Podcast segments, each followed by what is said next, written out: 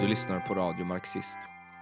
Ett program som ger dig de senaste analyserna från Revolution, den svenska sektionen av den internationella marxistiska tendensen. Besök gärna vår hemsida, www.marxist.se, för regelbundna uppdateringar och analyser från Revolution. Där kan du också prenumerera på vår tidning, ge oss ett bidrag och gå med i kampen för socialism. I detta avsnitt talar Ylva Winberg om Sovjetunionen och stalinismens framväxt.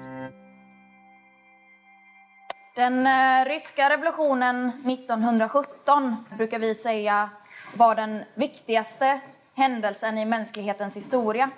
För det var den första gången sedan klassamhällets uppkomst som de fattiga massorna reste sig och lyckades gripa makten och behålla den under en längre period. Och med det så bevisade arbetarklassen i Ryssland att socialism inte är en utopi, inte bara är fina ord på ett papper, utan att det är någonting som går att uppnå.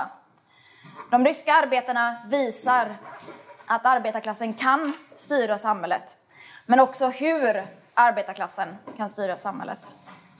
Under de första åren efter oktoberrevolutionen arbetarklassen i ledning av bolsjevikpartiet, lett av Lenin och Trotskij, eh, i oktober grep makten 1917 så styrde arbetarklassen genom sina arbetarråd, sovjeterna som är det ryska ordet för råd. Men det varade inte utan en byråkrati växte fram som tog makten från arbetarklassen och etablerade en monstruös diktatur med Stalin i spetsen. Och Sovjetunionens urartning har som vi vet eh, använts av högern eh, och av reformister eh, konstant för att svartmåla och smutskasta socialismen. För att förklara att socialism är lika med diktatur och att det är ofrånkomligt att om vi försöker störta kapitalismen så kommer det att leda till diktatur. Eh, och stalinisterna kan man säga har hjälpt dem i det när de har förklarat att det var socialism i Sovjetunionen. Men inget av det är sant. Det var väldigt särskilda omständigheter som ledde till urartningen i Sovjetunionen. Det finns ingen automatik i att en revolution måste leda till urartning. Och det var inte socialism i Sovjetunionen. När Marx skrev om utvecklingen från kapitalism eh, till kommunism eh, så tänkte han sig att arbetarklassen skulle gripa makten först i något av de mer utvecklade kapitalistiska länderna. I Tyskland, England eller Frankrike. Istället så tog arbetarklassen makten i ett väldigt underutvecklat land, Tsarryssland. Och Tsarryssland hade moderniserats under senare delen av 1800-talet, början av 1900-talet. En industri hade byggts upp, eh, en arbetarklass hade växt fram. Men det var fortfarande extremt fattigt, extremt underutvecklat. Där majoriteten var bönder som levde oerhört primitivt. Eh, och majoriteten kunde varken skriva eller läsa. När Marx skrev om det klasslösa samhället eh, efter att kapitalismen skulle avskaffas så delade han upp det i två huvudsakliga stadier. Kommunismen, ett samhälle där klasserna försvunnit, där staten dött ut. Ett samhälle där det råder ett sånt överflöd. Och det här förklarade han, det kan inte uppnås direkt dagen efter eh, ett maktövertagande, direkt dagen efter en revolution. Klasskillnader, förtryck, eh, det kan inte försvinna över en natt. Överflöd kan inte råda till den grad att man redan från dag ett kan utrota all ojämlikhet.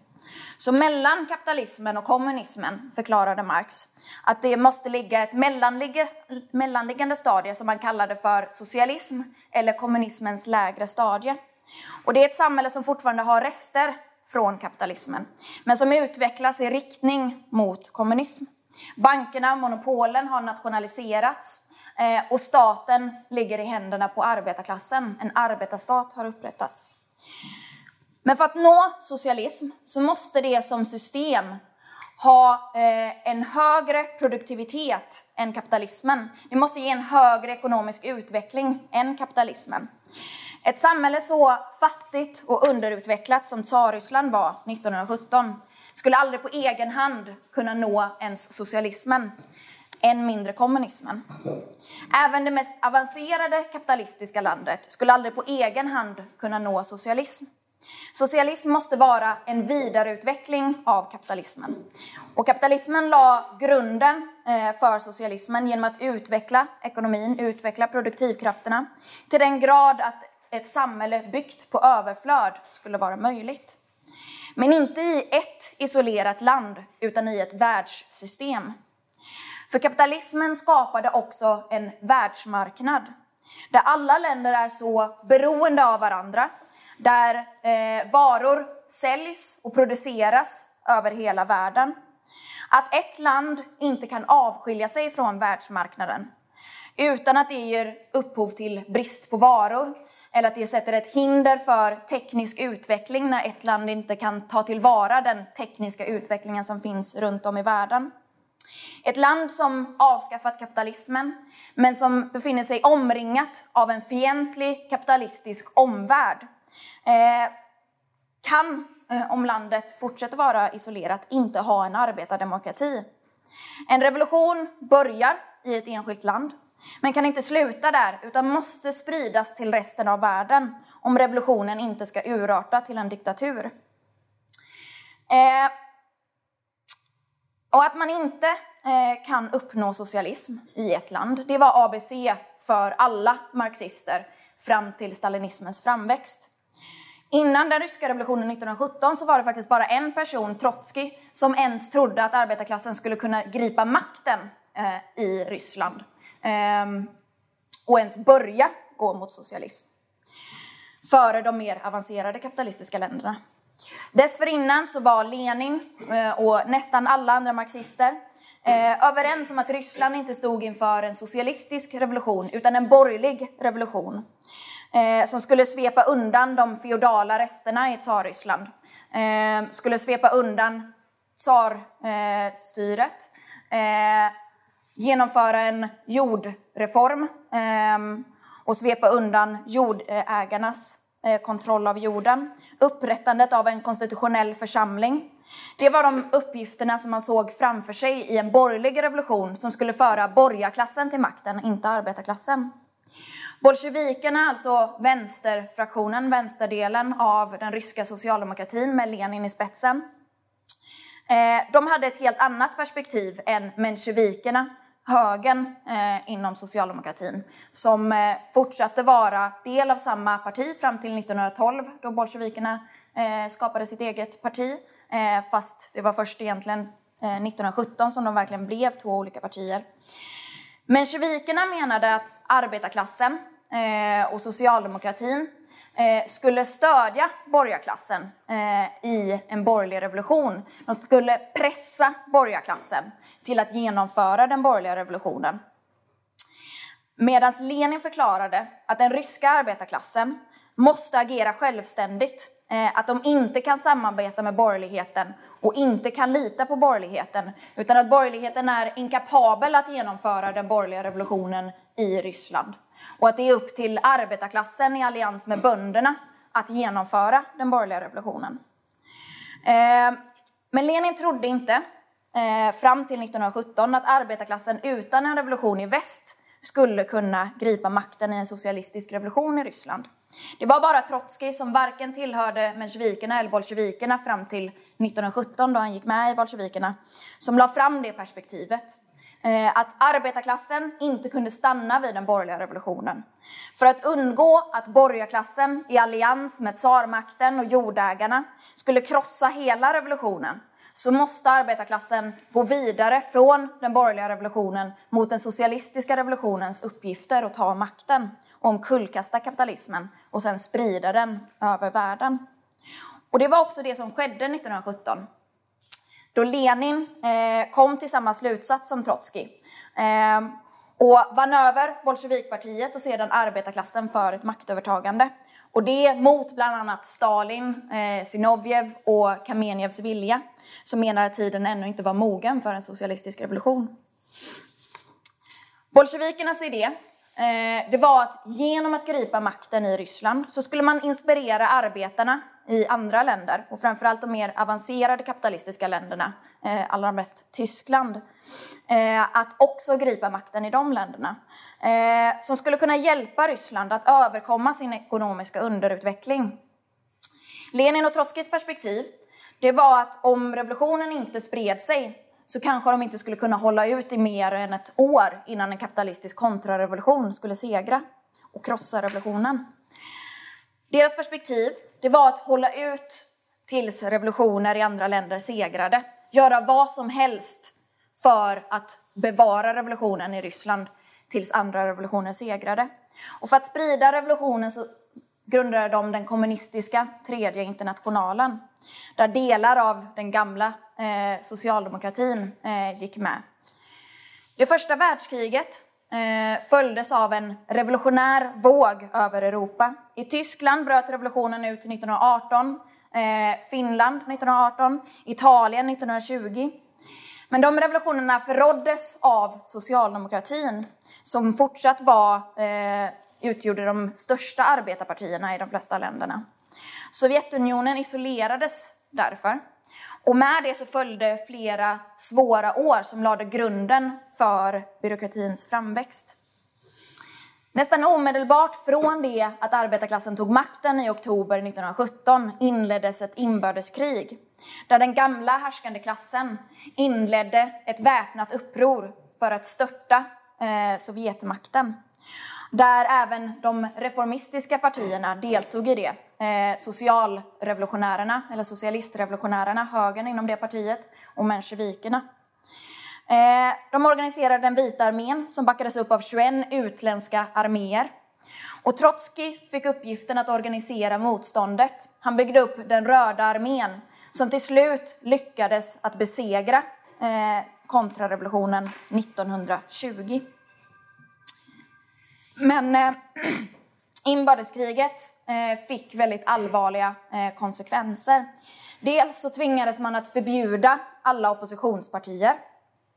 Då alla partier förutom vänstersocialistrevolutionärerna eh, mer eller mindre deltog i organiserandet av kontrarevolutionen av den vita armén eh, så kunde man inte tillåta dem att organisera sig för deras organisering handlade om att krossa Sovjetmakten. Eh, och det var ingenting som man gjorde eh, över en natt eller utan eftertanke, utan partier förbjöds i takt med att de visade att de inte tänkte stötta arbetarna eh, och att de deltog i organiserandet av väpnat motstånd mot revolutionen. Mensjevikerna och socialistrevolutionärerna tilläts dock att existera i någon form fram till 1921. Och de som idag invänder mot att detta var odemokratiskt Eh, de nämner aldrig att samma partier var de som förbjöd eh, bolsjevikerna under julidagarna 1917 då bolsjevikernas press konfiskerades och Lenin tvingades att fly till Finland. Inte heller nämner de att de stödde inbördeskriget och stödde personer som eh, Kornilov under inbördeskriget som var den som försökt genomföra ett kuppförsök i augusti 1917. Inskränkningarna fick dock konsekvensen att det enda partiet som slutligen kvarstod att organisera sig i eh, var kommunistpartiet, alltså bolsjevikerna. Stora delar av socialistrevolutionärerna, eh, anarkisterna och mensjevikerna hade vunnits över till bolsjevikerna och de kvarstående partierna förbjöds 1921. Det här gjorde att alla motsättningar kom till uttryck inom kommunistpartiet, inom bolsjevikerna och hotade att splittra det partiet. Vilket hade någon del hade kunnat bilda basen för en kapitalistisk kontrarevolution eller partiet hade i varje fall inte varit förmöget att hålla ihop revolutionen. Eh, och de här motsättningarna tvingade dem till ytterligare inskränkningar då de förbjöd fraktioner på partikongressen 1921. Det innebär inte att de på något sätt inskränkte eh, diskussionerna Eh, men de förbjöd att man organiserade sig som en särskild separat grupp inom partiet med ett särskilt program. Just på grund av risken att det skulle splittra partiet. Och alla de här inskränkningarna var tilltänkta eh, som eh, tillfälliga åtgärder men kom att bli permanenta och användes sedan av byråkratin för att slå ner mot all opposition.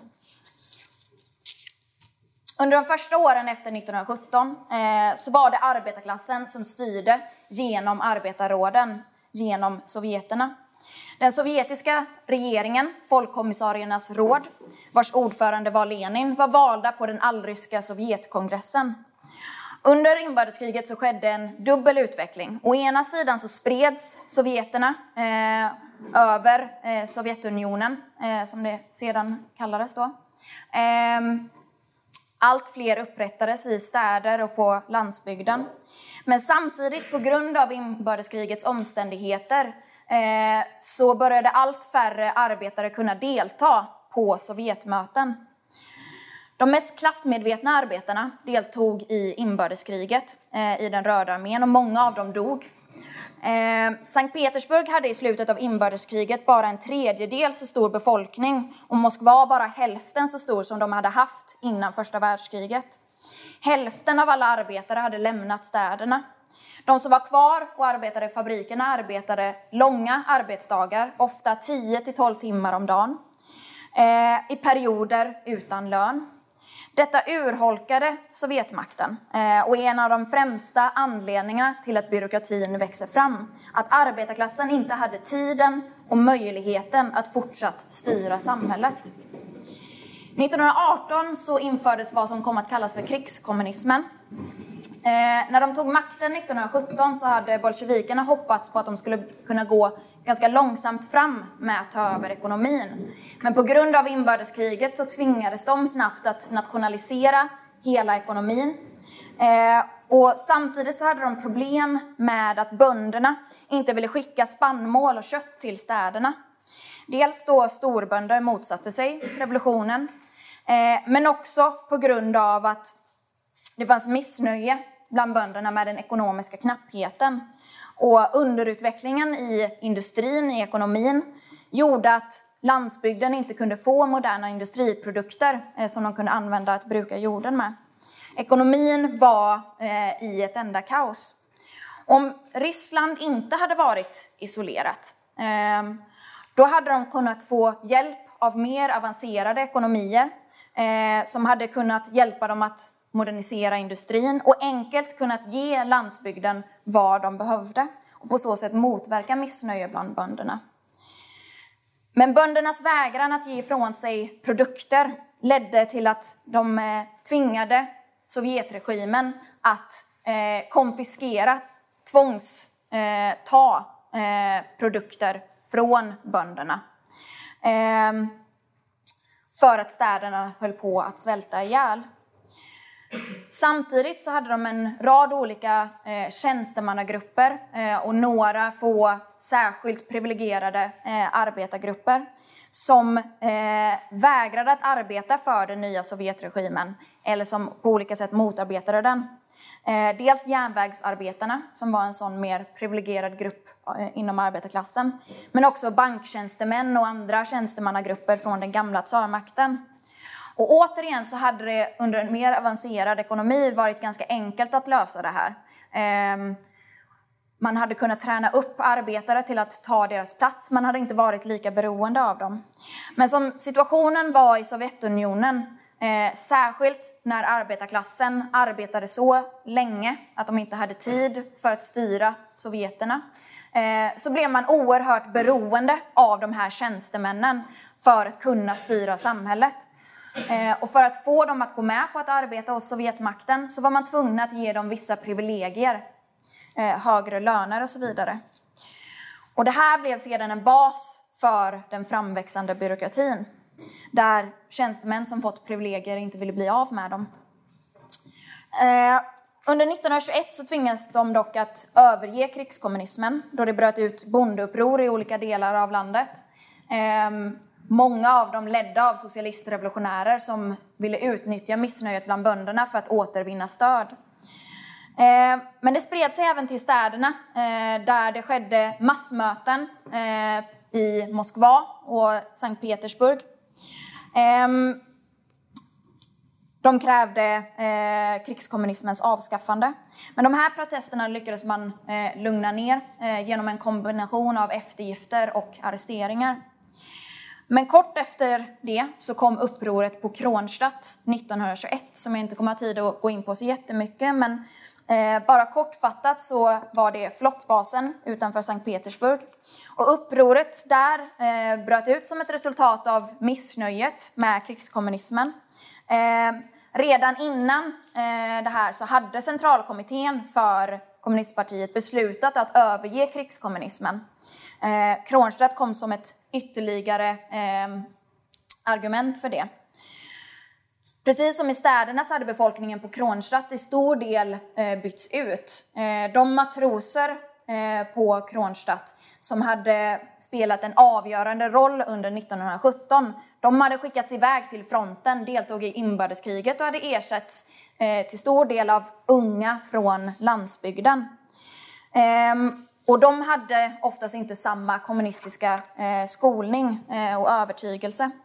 De var därför mer öppna för ryktespridning och misstro mot kommunistpartiet. Den omedelbara anledningen till eh, upproret på Kronstadt var rykten om hur brutalt protesterna i Sankt Petersburg hade slåtts ner och rykten om att ett arbetaruppror hade brutit upp där. Ehm, och de svarade med att anta en resolution om krigskommunismens avskaffande eh, och krav på demokratisering av sovjeterna och mycket mer. Eh, och de arresterade eh, kommunisterna på, på ön.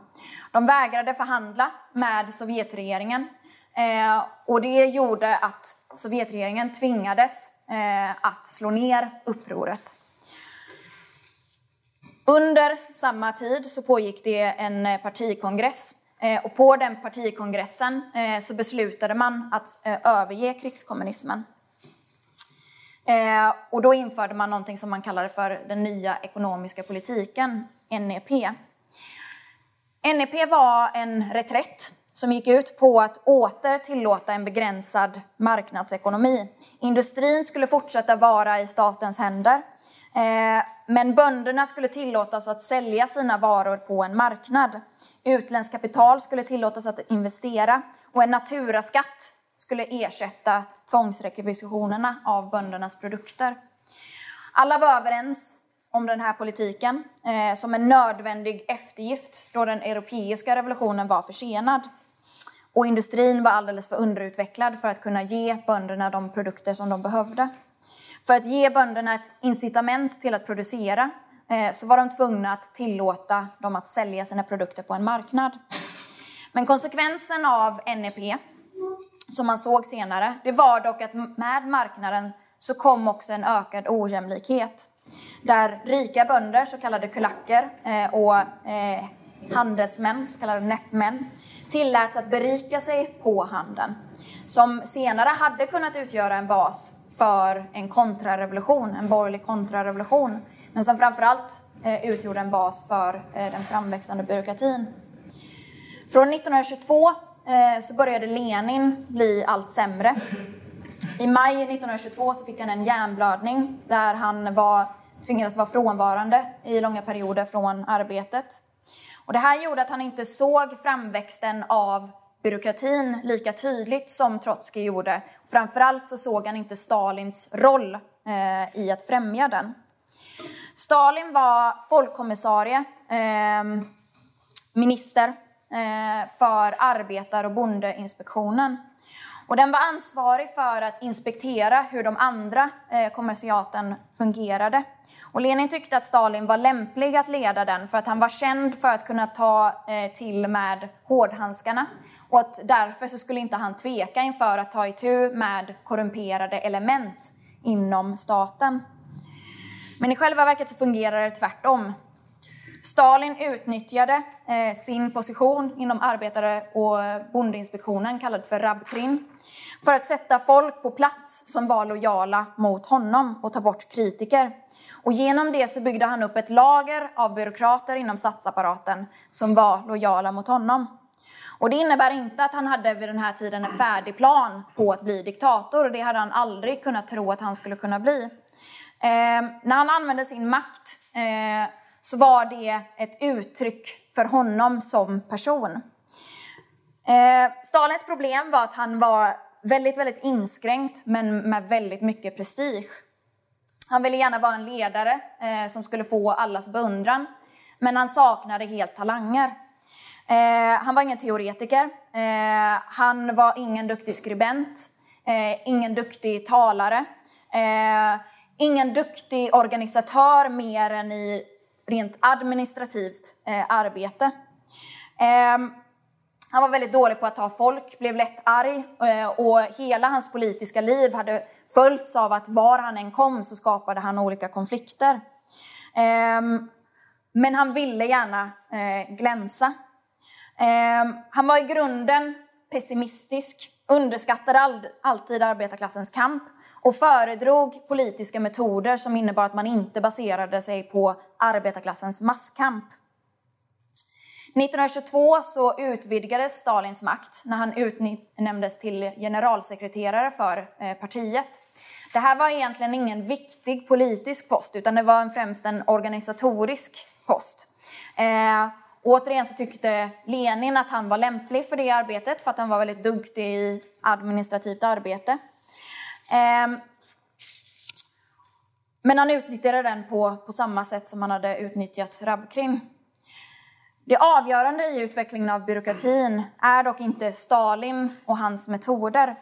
Ehm, hade inte han funnits så hade det kommit någon annan i hans ställe.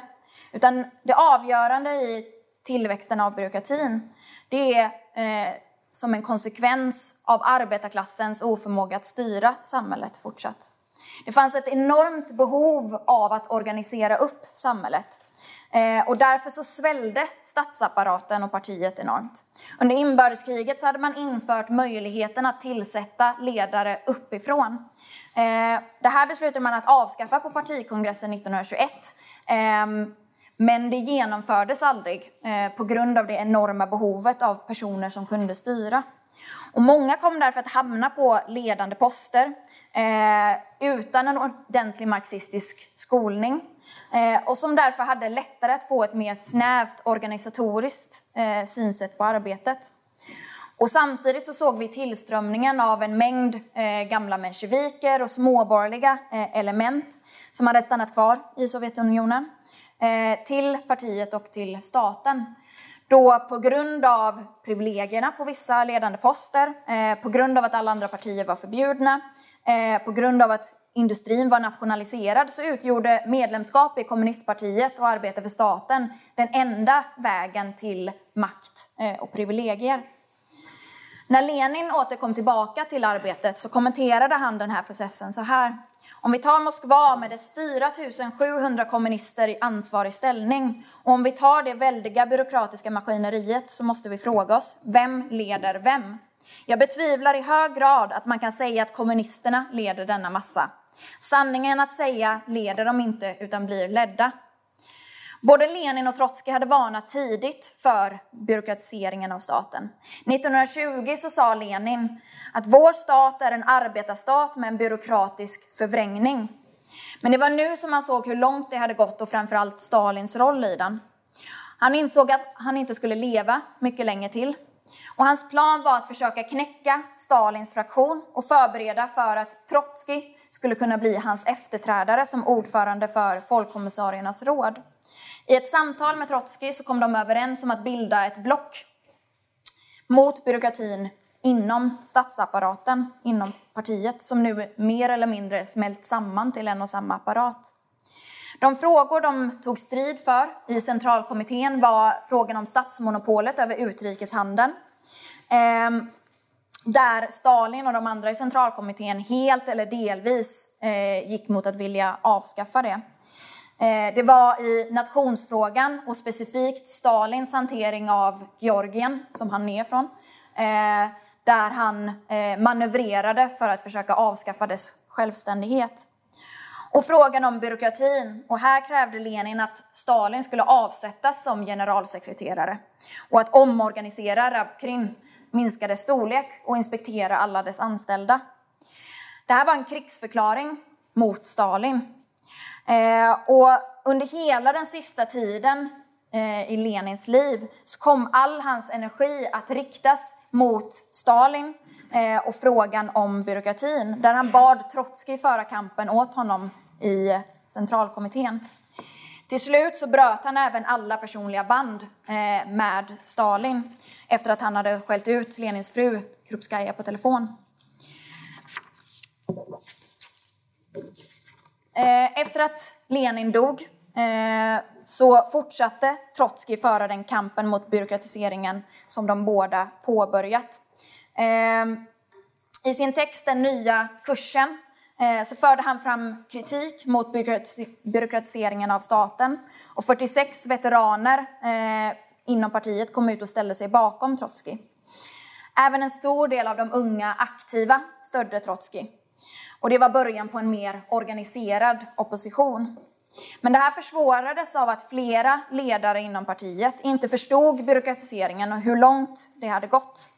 Eh, och de tog Trotskijs kamp mot byråkratin som att det var en rent personlig kamp för att han skulle bli nästa ledare efter Lenin. Sinovjev Zinovjev och Kamenev tog detta personligt. Eh, framförallt Zinovjev såg det som naturligt att han skulle bli den nästa ledaren.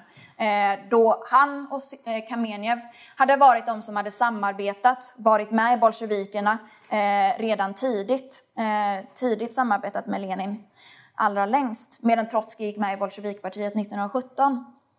Zinovjev och Kamenev var tyvärr förblindade av personlig prestige.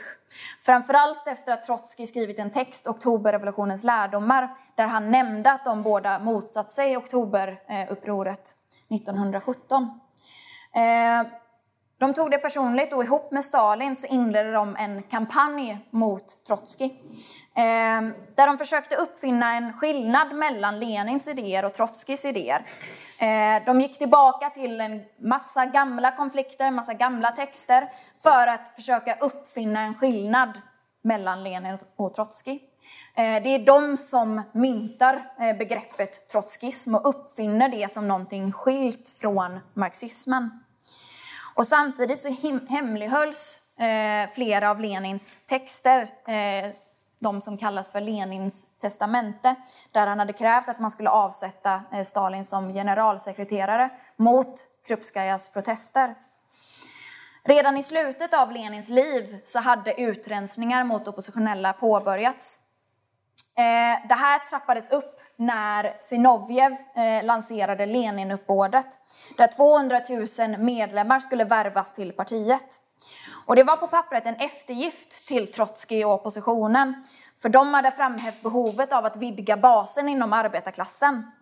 Men i verkligheten så användes det mot oppositionen och kom att snabba på urartningen ytterligare.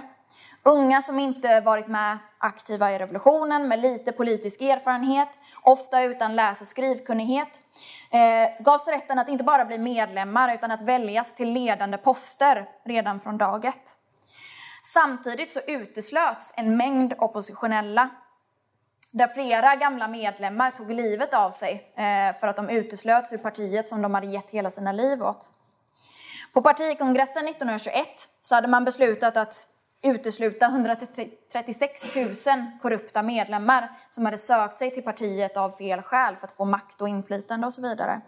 Nu gjorde man tvärtom. När partiet öppnades upp så öppnades det inte bara upp för unga arbetare utan också för korrupta element, för mensjeviker, småbörjare, personer som ville söka sig en karriär inom staten. Eh, och det här i sin tur kom att urvattna den politiska nivån inom partiet eh, och drev på urartningen. I slutet av 1924, eh, Lenin dog i början av 1924, så la Stalin för första gången fram teorin om socialism i ett land.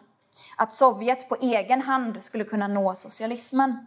Bara i april samma år så hade han fortfarande hävdat att eh, socialismen inte skulle kunna segra slutgiltigt i Sovjetunionen om inte revolutioner segrade eh, i mer avancerade kapitalistiska länder. Samtidigt så började NEP få tydliga konsekvenser. De rikaste bönderna, kulackerna, som bara utgjorde till runt 3-4 procent av befolkningen, ägde 1925 hälften av jorden, 60 procent av maskinerna och hade i princip monopol på försäljningen av spannmål.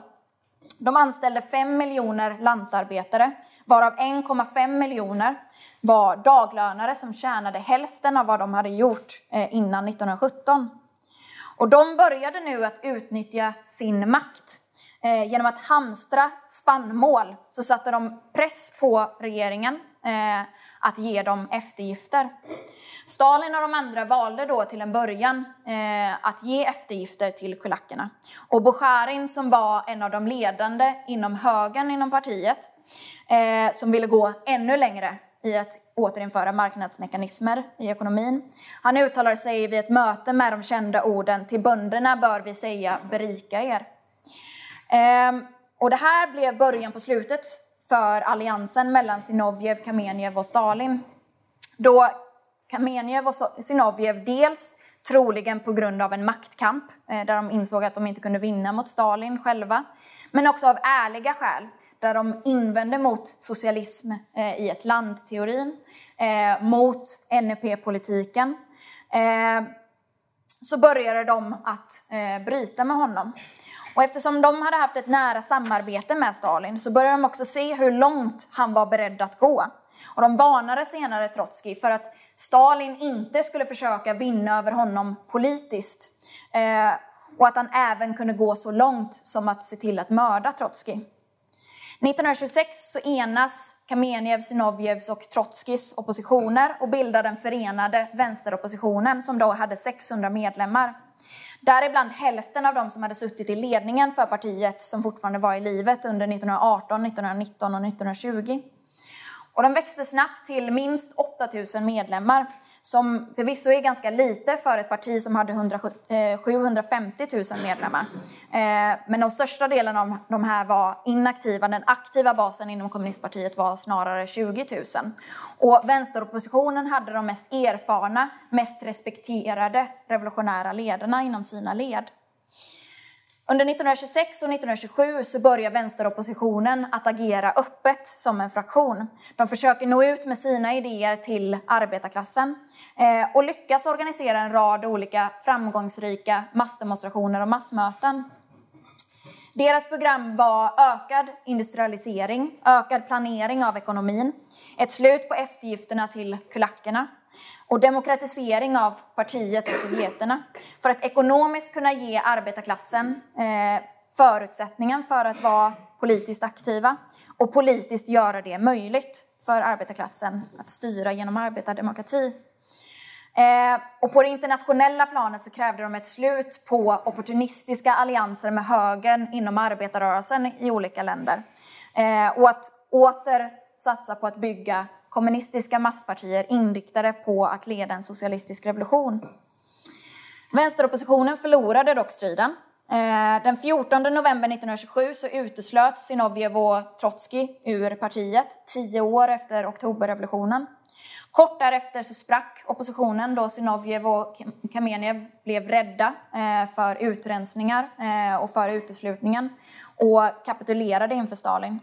Den 17 januari 1928 så deporterades Trotskij till Alma-Ata och senare så skickades han i exil till Turkiet.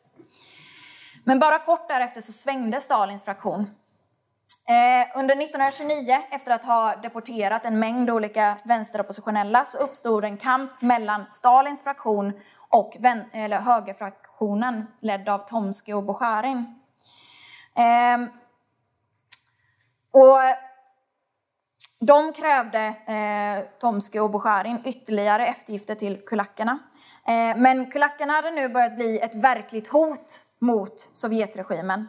Och Bukharins, hot, eh, Bukharins fraktion hade börjat bli ett hot för Stalins fraktion.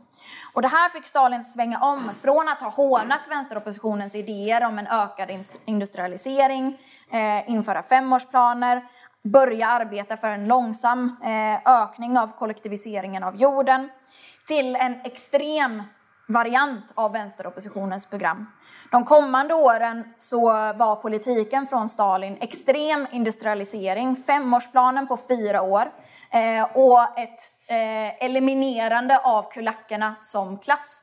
Man genomförde tvångskollektiviseringar av jorden som ledde till en Eh, total katastrof på eh, landsbygden där jordbruket egentligen aldrig återhämtade sig från eh, de tvångskollektiviseringarna. Och samtidigt så slog man till då mot högeroppositionen eh, som kapitulerade inför Stalin. Och i det här så fick han hjälp av att en mängd vänsteroppositionella hade kapitulerat inför Stalin för att de såg det som att han gick i rätt riktning när han slog mot kulackerna och mot högern. De fick betala för det eh, med sina liv under 30-talets utrensningar. I efterhand så har många frågat sig varför Stalin lyckades besegra Trotskij och vänsteroppositionen. Om Trotskij var så överlägsen som marxist, som revolutionär ledare, varför tog han inte bara makten? Eh, när vänsteroppositionen hade de mest erfarna, eh, mest kompetenta, mest kända ledarna inom sina led, hur kunde Stalin besegra dem? Hade Trotskij velat så hade han utan tvekan kunnat ta makten. Ehm, efter Lenin så var han den mest populära ledaren eh, det var han ihop med Lenin som hade lett revolutionen 1917. Det var han som hade organiserat oktoberrevolutionen. Det var han som hade byggt upp den röda armén. Ehm, och med hjälp av den röda armén så hade han utan tvekan kunnat ta makten. Men Trotskij förklarade att om han hade gjort det så hade han själv blivit Stalin. Han hade blivit byråkratins fånge.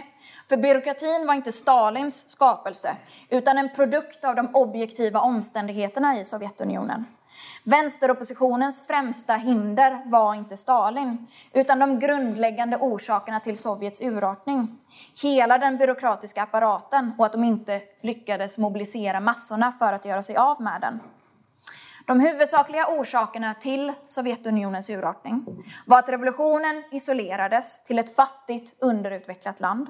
På grund av att arbetarklassen utgjorde en minoritet i samhället, på grund av den utspridda analfabetismen, på grund av att arbetarklassen efter ett världskrig eh, och ett inbördeskrig så tvingades de att arbeta så mycket att de helt enkelt inte hade tid för att engagera sig i politiken, tid för att styra samhället. Och de var tvungna att arbeta så mycket för att inte ekonomin helt och hållet skulle kollapsa. Eh, Revolutionen blev beroende av den gamla statsapparaten på grund av det här. Tsaristiska tjänstemän som krävde privilegier för att arbeta åt Sovjetmakten. Det avgörande var inte det ena eller andra beslutet förbudet av oppositionspartier eller NEP i sig, även om de här sakerna spelade roll i framväxten av byråkratin. Det huvudsakliga var just omöjligheten att bygga socialism i ett isolerat land, särskilt ett så underutvecklat som Sovjet. Trotskij förklarar urartningen i sin bok Förrådda revolutionen att om det råder brist i samhället så uppstår ett behov av en stat som höjer sig över samhället, som kan fördela varorna mellan medborgarna. Målet för oss marxister är ett klasslöst samhälle, det kommunistiska samhället, där ett sådant överflöd råder att alla bara kan ta vad de behöver. Eh, då behövs det inte längre någon stat. Men det var inte möjligt i Sovjetunionen och det var just bristen i samhället som fick en byråkrati att växa fram. Det innebär inte att urartningen var ofrånkomlig. Hade den tyska revolutionen 1918 eller än mer 1923 lyckats eh, så hade revolutionen räddats. Fler länder hade utan tvekan följt efter. Hade massorna i Sovjet rest sig eh, under ledning av vänsteroppositionen så hade de utan tvekan kunnat göra sig av med byråkratin. Men massorna var för trötta. Efter fyra år, eller tre år, av eh, världskrig, följt av flera år av inbördeskrig, följt av flera år av ekonomisk fattigdom, svält, eh, så var arbetarklassen alldeles för trötta. Eh, och dessutom, efter flera år av land efter land av misslyckade revolutioner, Eh, i Tyskland 1923, Kina 25 till 27. Efter det här så längtade inte massorna efter mer kamp, utan efter lugn. Den stämningen smättade av sig på ett lager kommunister som började undra om man inte kunde klara sig utan en revolution i Europa. Stalins idé om socialism i ett land, liksom alla kommande stalinistiska idéer, eh, om hur man ska göra revolution i andra länder, eh, som egentligen gick ut på att inte göra revolution, var inte resultatet till en början av att han medvetet inte ville ha revolutioner i andra länder, utan för att han tappat tron på att det skulle hända. Teorin om socialism i ett land återspeglade massornas pessimism och trötthet med förhoppningar om att det bara skulle bli bättre om bara ekonomin eh, vände uppåt. Men ju mer ekonomin utvecklades, eh, även om massorna fick det lite bättre, eh, så kom byråkratin att lägga beslag på en allt större del av det. Utvecklingen hos Stalin eh, och de andra kommunisterna som korrumperades, det var en gradvis process och den liknar i stort den processen som man kan se i utvecklingen av reformism inom arbetarrörelsen. Den börjar i illusioner i vad man kan uppnå utan kamp, utan revolutioner, utvecklas till pessimism om arbetarklassens förmåga att kämpa eller styra samhället. Där man alltmer börjar se det som att ja, men det är bara vi, byråkratin, politiker, tjänstemän som kan göra det. Arbetarklassen kan det inte. Ehm, och till slut så korrumperas man av den makten som man har fått till att inte längre vilja ha en stor förändring som hotar de privilegier som man har fått och börjar mer eller mindre medvetet motarbeta arbetarklassens kamp. Och samma process så eh, kunde vi se i Sovjetunionen. Till en början höjer sig staten över samhället på grund av arbetarklassens oförmåga att styra. Det får resultatet att byråkratin som växer fram inte längre tror på arbetarklassens förmåga att styra, till att inte längre vilja släppa ifrån sig den makten. I de första revolutionerna som skedde under byråkratins framväxt eh, så agerade inte byråkratin medvetet för att krossa dem. Den kinesiska revolutionen 1925-27 eh, var inte ett medvetet försök för stalinisterna att, eh, att krossa den revolutionen. Utan stalinisterna gav felaktiga råd baserat på felaktiga politiska idéer till de kinesiska kommunisterna. Eh, det var först under den spanska revolutionen på 30-talet som vi kunde se hur de medvetet agerade för att krossa revolutionen. För att de kunde se att det inspirerade den ryska arbetarklassen och riskerade att om den lyckades leda till att arbetarklassen i Sovjetunionen reste sig och gjorde sig av med byråkratin. Det är ingen slump att Moskvarättegångarna inleddes samtidigt som den spanska revolutionen, där det gamla gardet med Zinovjev, Kamenjev, Bukharin och många, många fler Eh, av de ledande kommunisterna avrättades eh, under falska erkännanden som hade pressats fram under tortyr. Det var för att de ville sätta skräck i den ryska arbetarklassen och göra sig av med eventuella ledare för ett uppror. När arbetarklassen återhämtat sig långt senare och vi började se protester mot byråkratin under efterkrigstiden så fanns inte längre kvar någon vänsteropposition som skulle kunna leda det till att göra sig av med byråkratin. Och istället kunde missnöjet kanaliseras till eh, en rörelse mot kapitalism. Många stalinister brukar hävda att Stalin eh, och de andra kommunister som korrumperades eh, att de inte hade något val. Att eftersom urartningen berodde på de objektiva omständigheterna så kan man inte klandra Stalin eh, för vad som skedde. Och det är en ganska usel bortförklaring. Som jag har sagt så var det inte oundvikligt. Eh, men Stalin och de andra agerade på ett sätt för att krossa revolutioner i andra länder. Eh, naturligtvis var Sovjets urartning inte en skapelse av Stalin lika lite som fascismen var en skapelse av Hitler i, i eh, Tyskland. Men att man kan förklara varför individer agerar som de gör utifrån historiska processer gör inte samma individer till slavar under historiens drivkrafter. Även om vi kan förklara reformismen inom arbetarrörelsen gör inte det att vi inte kan klandra Stefan Löfven, Göran Persson eller Hjalmar Branting när de har svikit arbetarklassen. Stalin hjälpte byråkratin att komma till makten, Trotskij valde att bekämpa den. Orsaken var deras karaktärsdrag, men också hur djupt rotade de var inom marxismen. Eh, Stalin hade inte samma marxistiska skolning och var lättare att korrumpera. Det innebär inte att Trotskij eller Lenin för den delen aldrig gjorde misstag eller förutsåg exakt vad som skulle ske. Eh, Trotskijs analys av Sovjetunionen utvecklades gradvis i takt med utvecklingen i Sovjetunionen. Under 20-talet så förde han fram behovet av att reformera kommunistpartiet och Sovjetunionen. Vänsteroppositionen såg sig som eh, en opposition inom kommunistiska internationalen även efter att de uteslutits. Men efter att Hitler lyckades ta makten Eh, utan någon verklig reaktion från det tyska kommunistpartiet eller eh, kommunistiska internationalen. Efter att det tyska kommunistpartiet utrotats fysiskt utan någon allvarlig kris inom eh, den kommunistiska internationalen så kom Trotskij till slutsatsen att det inte gick att reformera den kommunistiska internationalen eller Sovjetunionen utan att det behövdes en ny international och att det skulle krävas en politisk revolution Eh, i Sovjetunionen.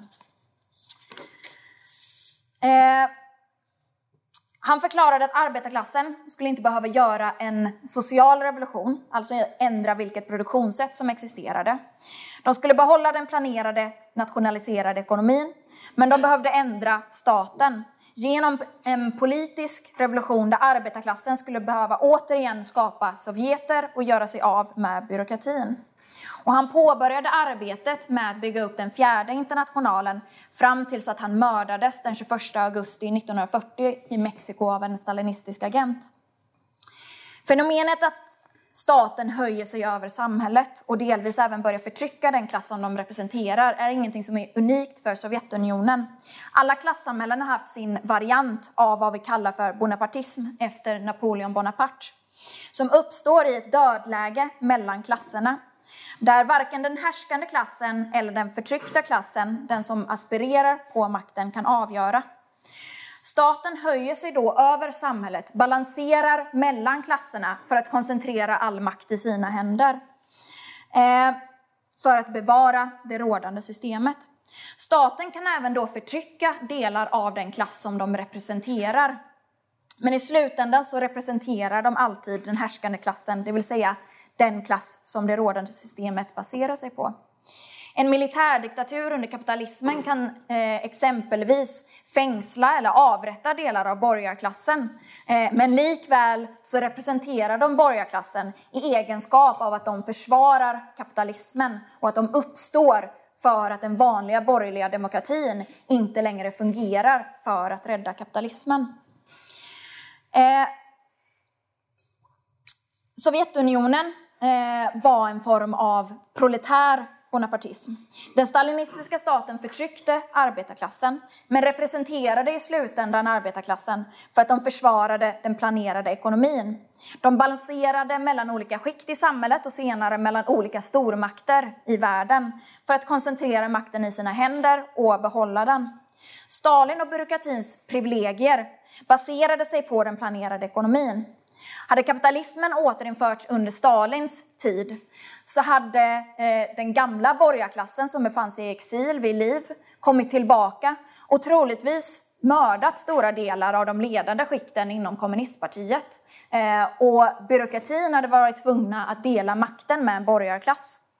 Därför hade de ett intresse av att försvara den planerade ekonomin. Och när korruption Eh, blev för stor eller när någon händelse hotade den planerade ekonomin så agerade de för att krossa det hotet. Dock oftast alldeles för kaotiskt eh, eller alldeles för sent och därför på ett kaotiskt sätt.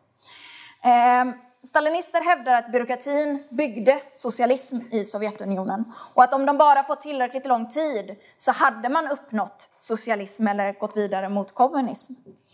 Ehm, men socialism är ett övergångssamhälle som rör sig i riktning mot eh, kommunism. Där staten började bort, där förtryck och ojämlikhet börjar försvinna. Sovjetunionen tvärtom rörde sig allt längre bort från socialismen. Ju mer utvecklad ekonomin blev, desto mer ökade ojämlikheten. Desto mer av samhällets överskott la byråkratin beslag på. Desto mer höjde sig staten över samhället. Förtrycken försvann inte, eh, utan ökade. Många av de demokratiska landvinningar som den ryska revolutionen hade lett till, som legalisering av abort, legalisering av homosexualitet, eh, förbjöds under 30-talet. Antisemitismen var ett ständigt gift i Sovjetunionen.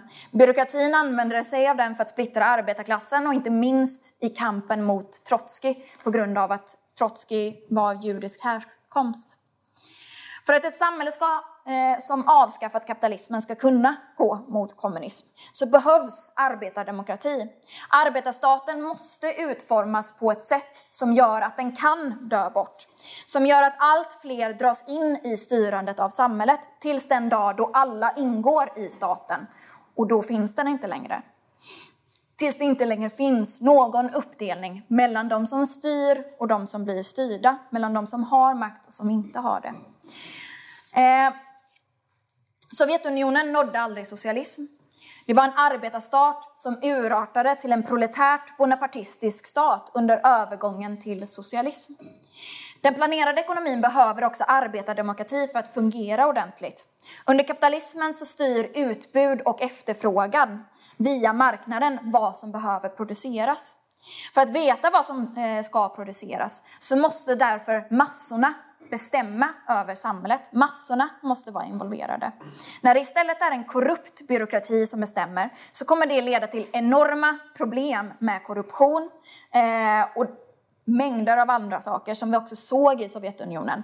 Eh, man satsade enormt mycket på att bygga upp krigsindustrin och rymdindustrin eh, men inte så mycket på konsumtionsvaror som massorna behövde. Och även det som producerades var ofta av väldigt dålig kvalitet då eh, de som ledde de olika industrierna fick bonusar baserat på hur mycket man producerade och inte hur man producerade. Vissa menar att det var ett misstag att ta makten 1917 då stalinismen smutsat ner socialism och kommunism och gett högern ett eh, ständigt argument till varför man inte ska försöka avskaffa kapitalismen. Men det baseras återigen på att eh, det var oundvikligt att Sovjet urartade och Sovjet har inte heller bara gett ammunition till högern. Den ryska revolutionen visar under de första åren att arbetarklassen kan styra samhället och den planerade ekonomin under stalinismen visade vilka enorma fördelar den har eh, jämfört med marknadsekonomin. Den planerade ekonomin lyckades lyfta ett fattigt, primitivt, underutvecklat land till att bli ett modernt land som kunde konkurrera med de mest avancerade kapitalistiska länderna på flera områden. Det var tack vare den planerade ekonomin som eh, Sovjetunionen lyckades besegra Hitler och vann det andra världskriget. Som Trotskij sa, socialismen har demonstrerat sin rätt till seger, inte genom Das Kapital, utan på en industriell, industriell arena som omfattar en sjättedel av jordens yta. Inte på dialektikens språk, utan på stålets, cementens och elektricitetens språk. Vi vet att både arbetarmakten och den planerade ekonomin fungerar i praktiken. Våra idéer är ingen utopi. Vad vi kämpar för går att genomföra och det är det enda som kan rädda oss från det kaos vi ser under, kapitalismen idag. Stalins regim var ingen naturlig följd av oktoberrevolutionen eller bara en fortsättning på Lenins regim, som högern hävdar. För att ta makten så behövde han genomföra en politisk kontrarevolution, mörda hundratusentals revolutionära arbetare, upprätta en monstruös diktatur för att motverka arbetarklassen eh, skulle organisera sig mot byråkratin. Och han behövde utrota i princip hela ledningen för bolsjevikpartiet. Av de som satt i centralkommittén 1917 för bolsjevikpartiet så var det bara, förutom Stalin själv, Kollontaj som överlevde och hon skickades utomlands som ambassadör. För att etablera sig själv som den stora ledaren så var han tvungen att skriva om historien Eh, och framställa det som att han varit en viktig ledare redan från början. Och för att det skulle vara möjligt så var han tvungen att utrota alla de som hade ett levande minne av revolutionen och vilken roll han spelat i den. Även personer som varit lojala mot Stalin eh, var han tvungen att göra sig av med för att de ändå mindes vem han faktiskt hade varit. Ehm, han var tvungen att gång på gång rensa ut ledningarna för kommunistpartierna eh, internationellt för att få ledningar som kunde eh, lyda order utan att blinka från Moskva. Till slut så la han även ner den kommunistiska internationalen för att blidka eh, den internationella borgarklassen. Tvärt vad högern säger så är inte risken för att samma urartning sker idag. eh, om vi eh, avskaffar kapitalismen. Arbetarklassen är mycket starkare i alla länder idag. I de flesta länder så är man i majoritet. Eh, i de flesta länder så är arbetarklassen så pass välutbildad och är i majoritet att samma fara eh, för att man blir beroende av privilegierade tjänstemän inte finns. Dessutom så har tjänstemän i stort proletariserats. Vilket gör att de antingen är en del av arbetarklassen eller väldigt närstående arbetarklassen och skulle därför inte motsätta sig en revolution utan gå med i den. Eh, världen är extremt mycket mer sammankopplad idag. Eh, där revolutioner sprider sig snabbare och risken för isolering är inte lika stor. Det som saknas är det som den ryska arbetarklassen hade. Ett revolutionärt parti som kan leda arbetarklassen till seger. Och det är därför som vi bygger IMT. Det är därför vi bygger en revolutionär international. För att arbetarklassen ska ha det ledarskap som krävs för att segra. Vi bygger med Marx, Engels, Lenin och Trotskijs idéer som är lika relevanta idag som på deras tid. Reformism, stalinism och andra idéer kan bara leda arbetarklassen till nya nederlag. Som trotskister så kan vi vara stolta. För att vi försvarar den genuina marxismen.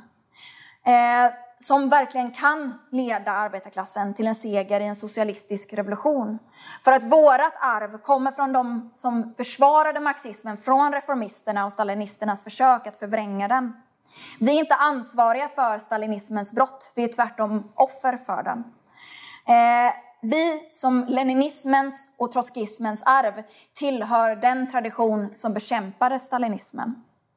Som Trotskij skrev 1929, vi ångrar ingenting och avsvär oss ingenting.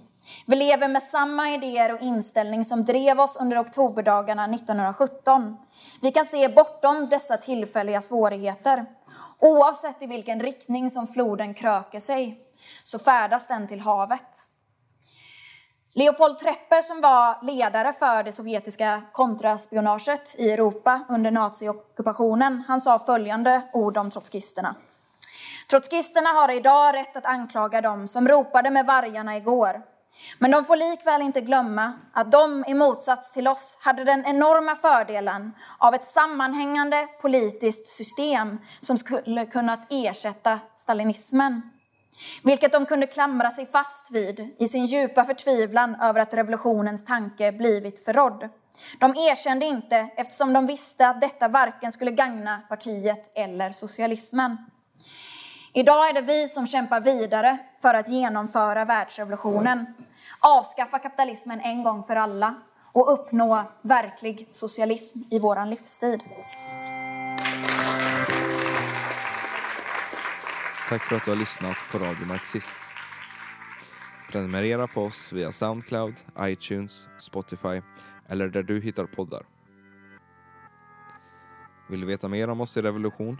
Gå gärna in på vår hemsida www.marxist.se där du kan ta en prenumeration på vår tidning, ge oss ett bidrag eller gå med oss i kampen för socialism.